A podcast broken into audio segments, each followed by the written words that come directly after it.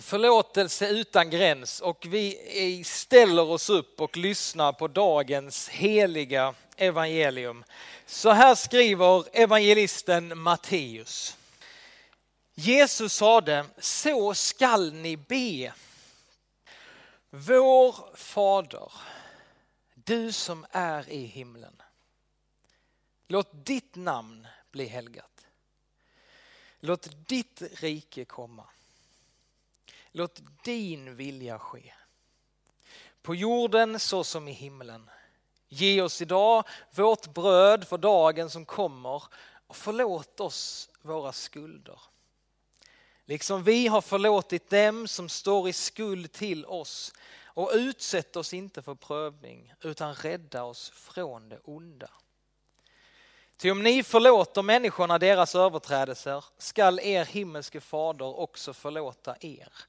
Men om ni inte förlåter människorna skall inte heller er fader förlåta er era överträdelser.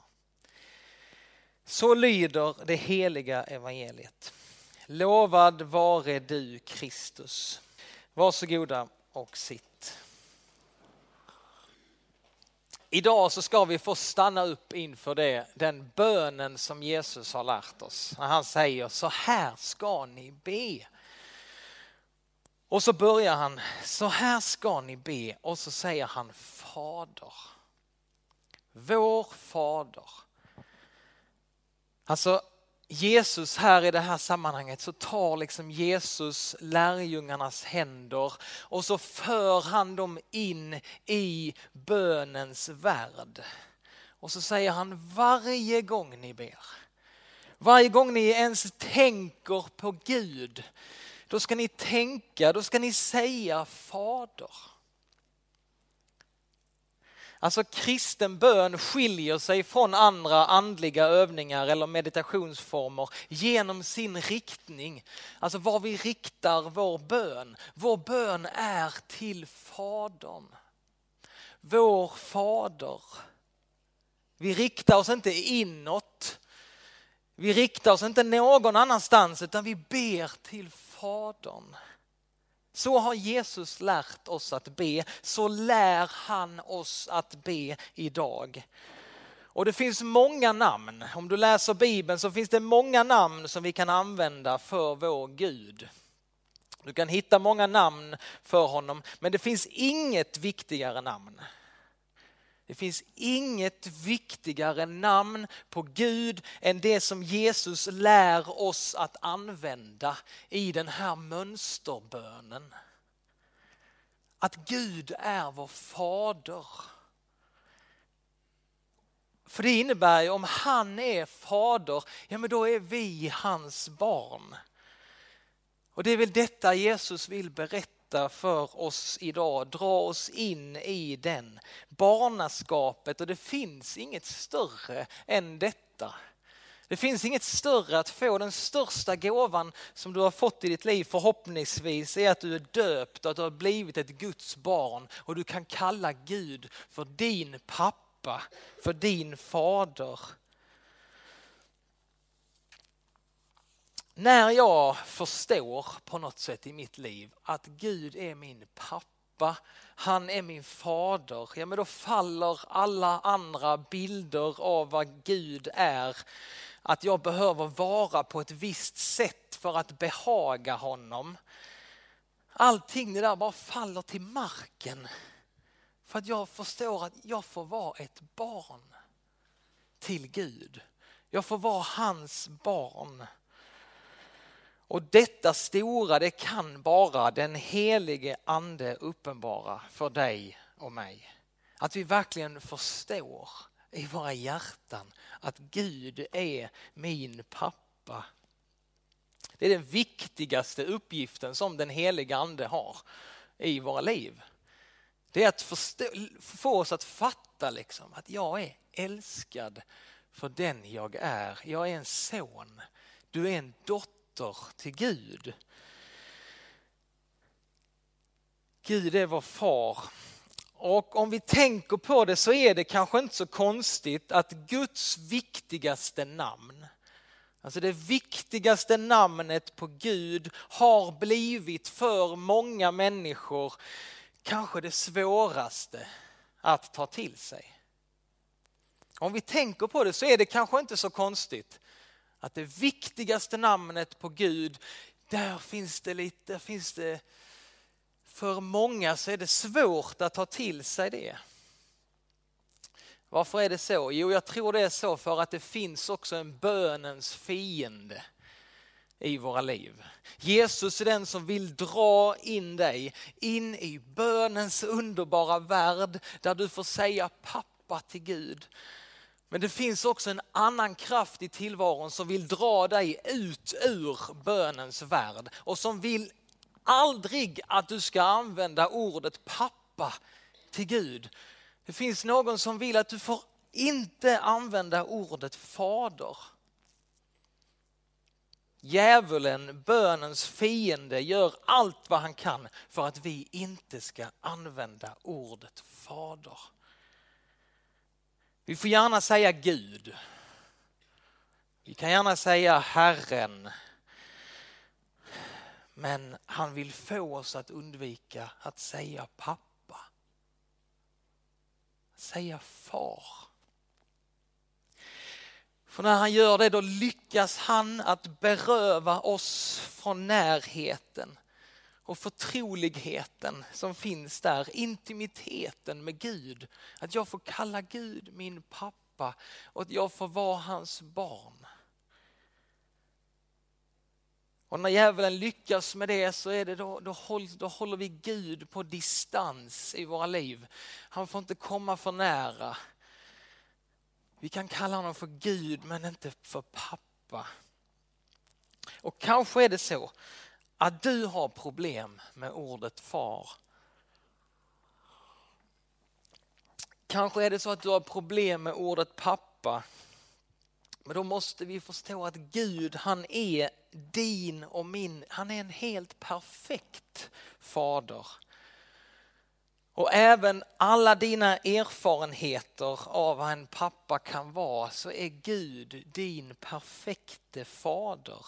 Vad än dina erfarenheter säger dig så vill Gud att du ska kalla honom pappa, fader. Som barnet som springer till sin pappa och kastar sig i famnen på honom. Och det kanske får ta tid för dig att säga pappa, far. Det är lugnt, vi har tid. Du kan få ta tid på dig att vänja dig. Och det kan vara saker som behöver helas i ditt inre. Men den helige ande finns där för dig. Och han vill hjälpa dig. Det är hans viktigaste uppgift. Det är att få oss att förstå och att låta det få landa här, inte bara huvudkunskap utan också hjärtkunskap. Att vi är Guds älskade barn. Vi har en far i himlen som älskar oss med en perfekt kärlek. Som aldrig kommer svika dig, han kommer aldrig lämna dig. Det är din far, vår fader. Varje gång ni ber, då ska ni säga vår fader vår Fader, du som är i himlen.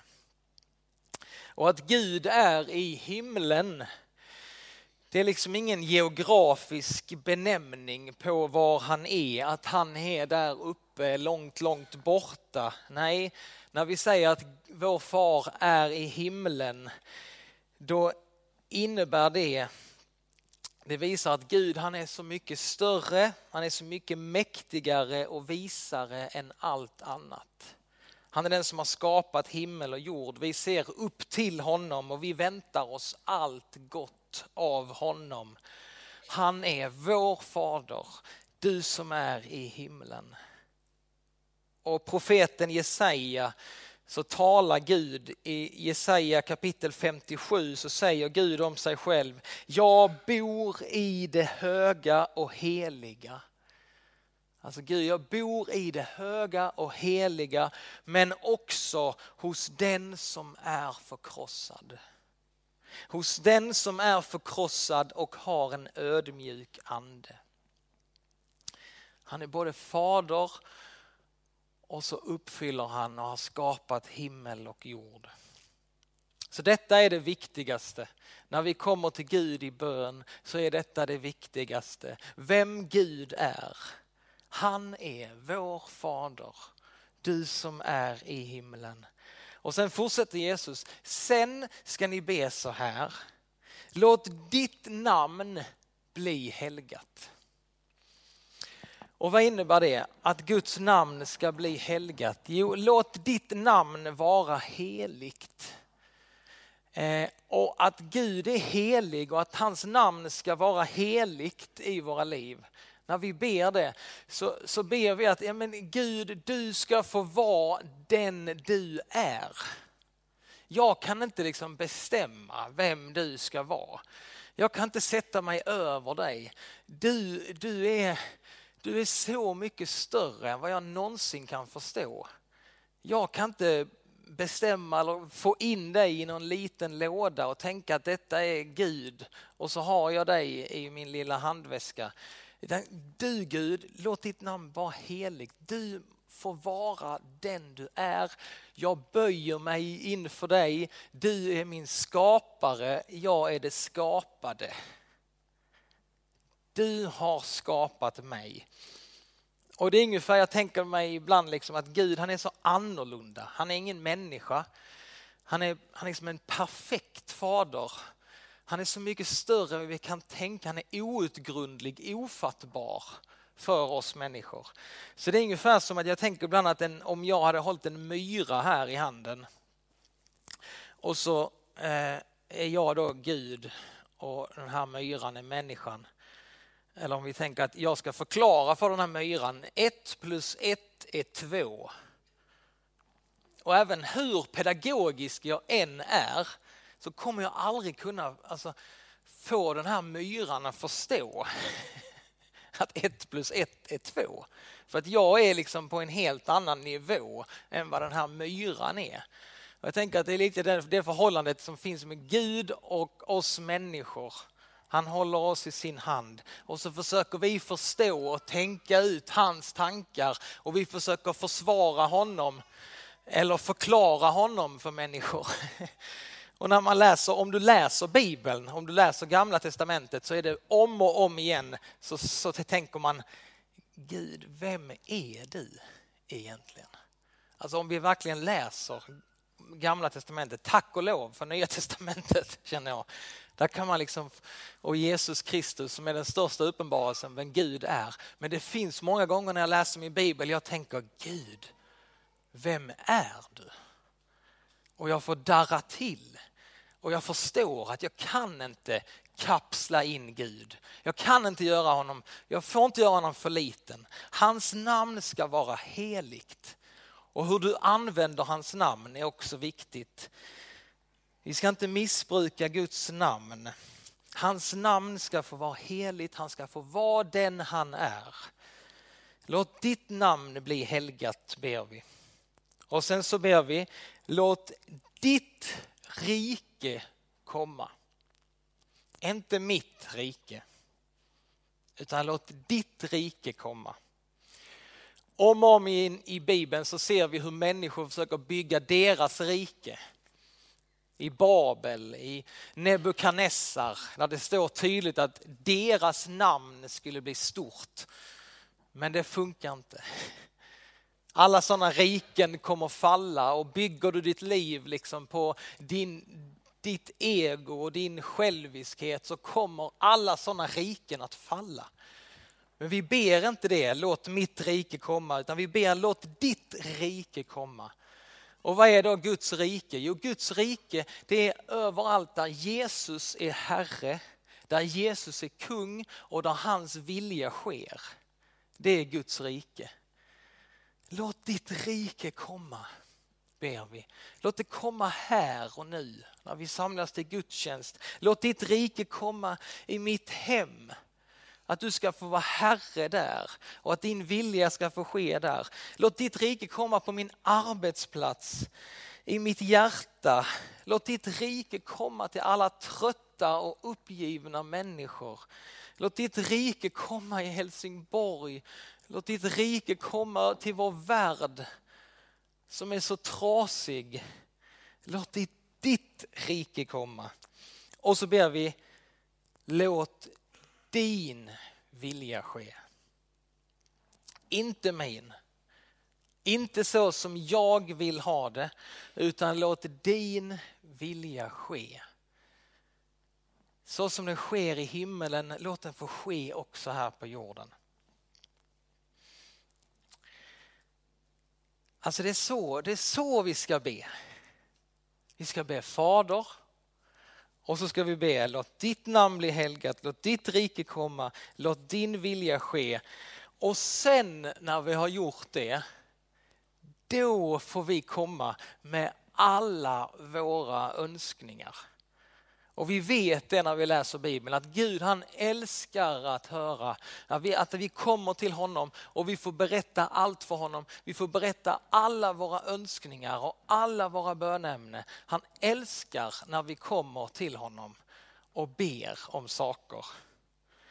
Men en mogen bön på något sätt, eller det Jesus vill dra in oss i, det är att först be Låt ditt namn bli helgat. Låt ditt rike komma. Låt din vilja ske. Att först be det.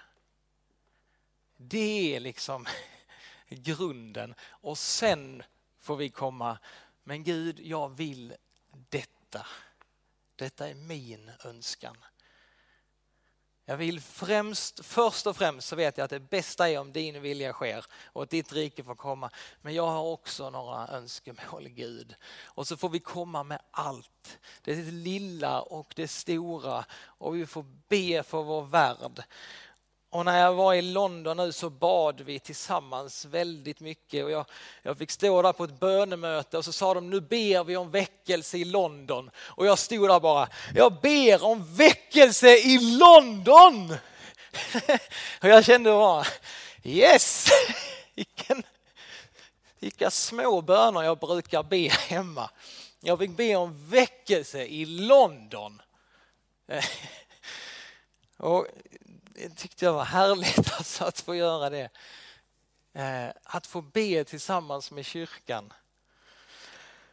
Vi får komma med allt till honom, men han vill lära oss att först be. Ditt namn ska vara helgat. Ditt rike, inte mitt. Din vilja ska ske, inte min. Och sen får vi komma. Ge oss idag det bröd vi behöver. Och så ber vi förlåt oss våra skulder. Liksom vi har förlåtit dem som står i skuld till oss. Eh, och det här är ju att be ständigt om förlåtelse, det är någonting som vi behöver eh, leva i. Att leva i förlåtelsen om och om, få vända oss till Gud och får vi ta emot förlåtelse. Men också det här utmanande att vi behöver också förlåta de som har gjort orätt mot oss. Jesus han vill att vi ska göra så som han har gjort mot oss. Så han har gett oss ett exempel för att vi ska göra så som han och vi ska liksom följa i hans fotspår. Vi kan inte bara ta emot förlåtelsen och sen låta det stanna där utan det måste vi ge vidare. Det, det, annars så är det liksom inte fullkomnat. Annars är det bara halvt. Vi måste också vara beredda att ge det vidare. Till dem som har gjort orätt mot oss. Och att förlåta någon människa, jo man kan säga att förlåta någon det är att ge upp rätten att anklaga den här personen. Du ger upp rätten att anklaga och döma den personen.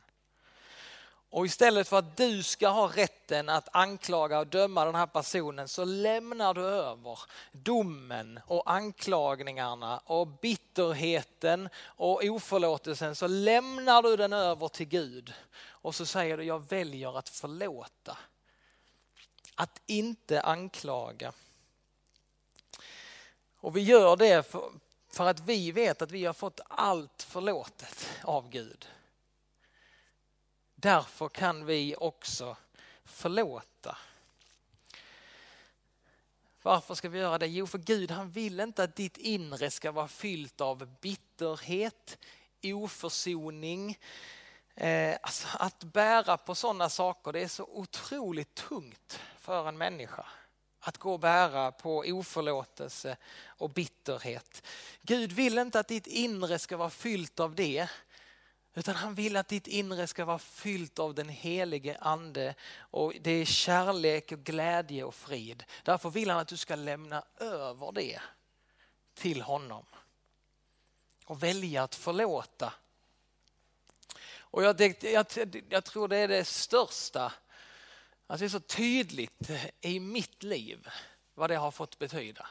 Det är som det största vittnesbördet och beviset på att Gud funkar. Det är när jag har valt att förlåta. Och det har, varit, det har inte varit lätt, det har inte varit, men, men att det, har varit som en, en blöt filt över mitt liv och som har påverkat så mycket. Men jag har valt att förlåta och jag har bara upplevt att bitterheten oförsoningen. Och jag får få känna bara en lätthet och en frid i mitt liv. Och när vi har alfakurserna här så har vi ju en, en, en av min favoritgång, eller typ alla gångerna är ju mina favoriter nästan, men vi har ju en varför dog Jesus? Varför måste Jesus dö? Och vi tittar på undervisning på film här och det är sådana starka vittnesbörd om förlåtelse. Och om vad det innebär liksom att Jesus han tog allting på sig. Och så nu vill han att vi också ska förlåta. Och efter vi har sett det där, liksom de här starka filmerna, så sätter vi oss i samtalsgruppen och den första frågan som vi ställer det är Har du behövt förlåta någon någon gång? Och det är liksom, liksom ingen, det är inte så kristet utan det är bara alla har. Det är så, det är så mänskligt, det är allmänmänskligt. Alla har någon upplevelse. Har du behövt förlåta någon någon gång? Och så får man dela erfarenheter av förlåtelse. Har du behövt be om förlåtelse någon gång? Och så samtalar vi om detta tillsammans. Och det är bara man känner att det berör, går så djupt. Och det är en sån, liksom, det är ju verkligen vår, det kristna, vår eh, det mest underbara med den kristna tron är att vi har förlåtelsen och vilken skillnad det gör att bli förlåten men också att förlåta och hur det kan rädda liksom, familjer och ändra sammanhang när man kommer med förlåtelse och försoning istället för hat och bitterhet och hämnd. Det, är liksom, det går inte att bry, det är bara förlåtelsens kraft som kan bryta de onda spiralerna. Och det finns en sån kraft i det. Kanske känner du och du bär på någonting nu när jag pratar om detta så tänker du, ja fast jag kan inte förlåta detta. Det här har jag burit på detta så länge och jag, jag kan inte och jag kommer inte förlåta. Då är samma sak som med den heliga ande, att han kan uppenbara att Gud är din far, så är det bara den heliga ande också som kan mjuka upp ditt hjärta. Och du kanske inte kan göra det idag, men om du ber honom, då kan du säga så här att jag kan inte Gud.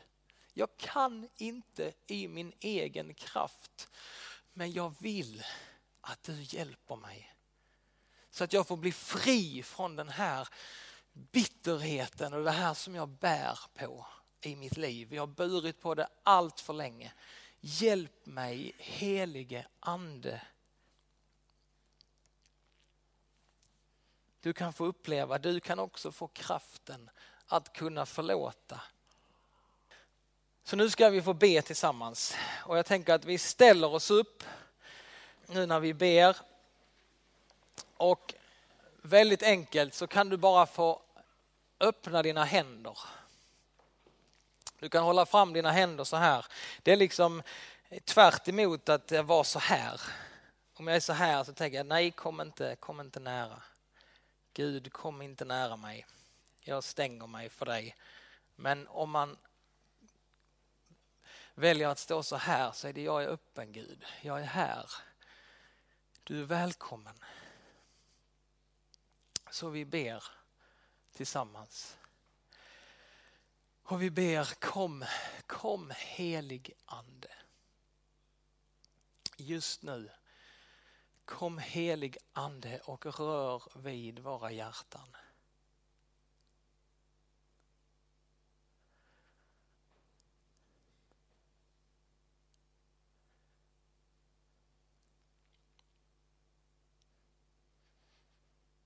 Kom och tala dina ord av liv in i våra liv. När det gäller om vilka vi är, att vi är dina barn. Herre, hjälp oss att kunna säga pappa till dig. Kom helig ande.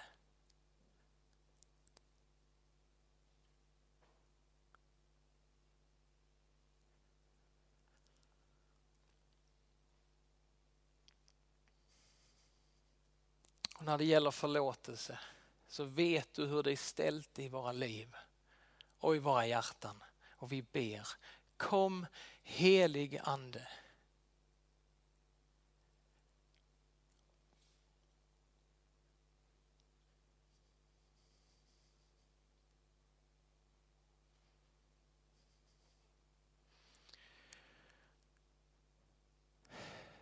Tack för friheten som finns hos dig. Tack att du vill dra in oss i bönens värld. Där vi får kalla dig för pappa. Herre välsigna oss var och en med din helige ande. Låt oss förstå att du älskar oss.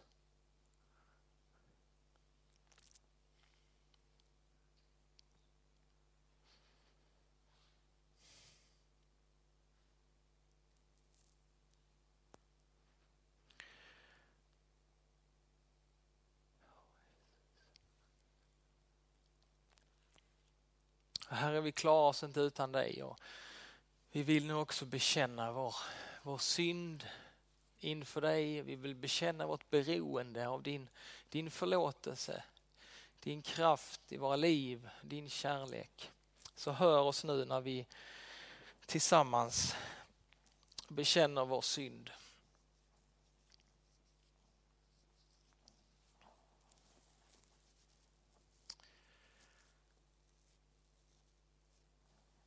Jag bekänner inför dig, helige Gud, att jag ofta och på många sätt har syndat med tankar, ord och gärningar. Tänk på mig i barmhärtighet och förlåt mig för Jesu Kristi skull vad du har brutit. Herre, hör nu varje hjärtas tysta bön och bekännelse.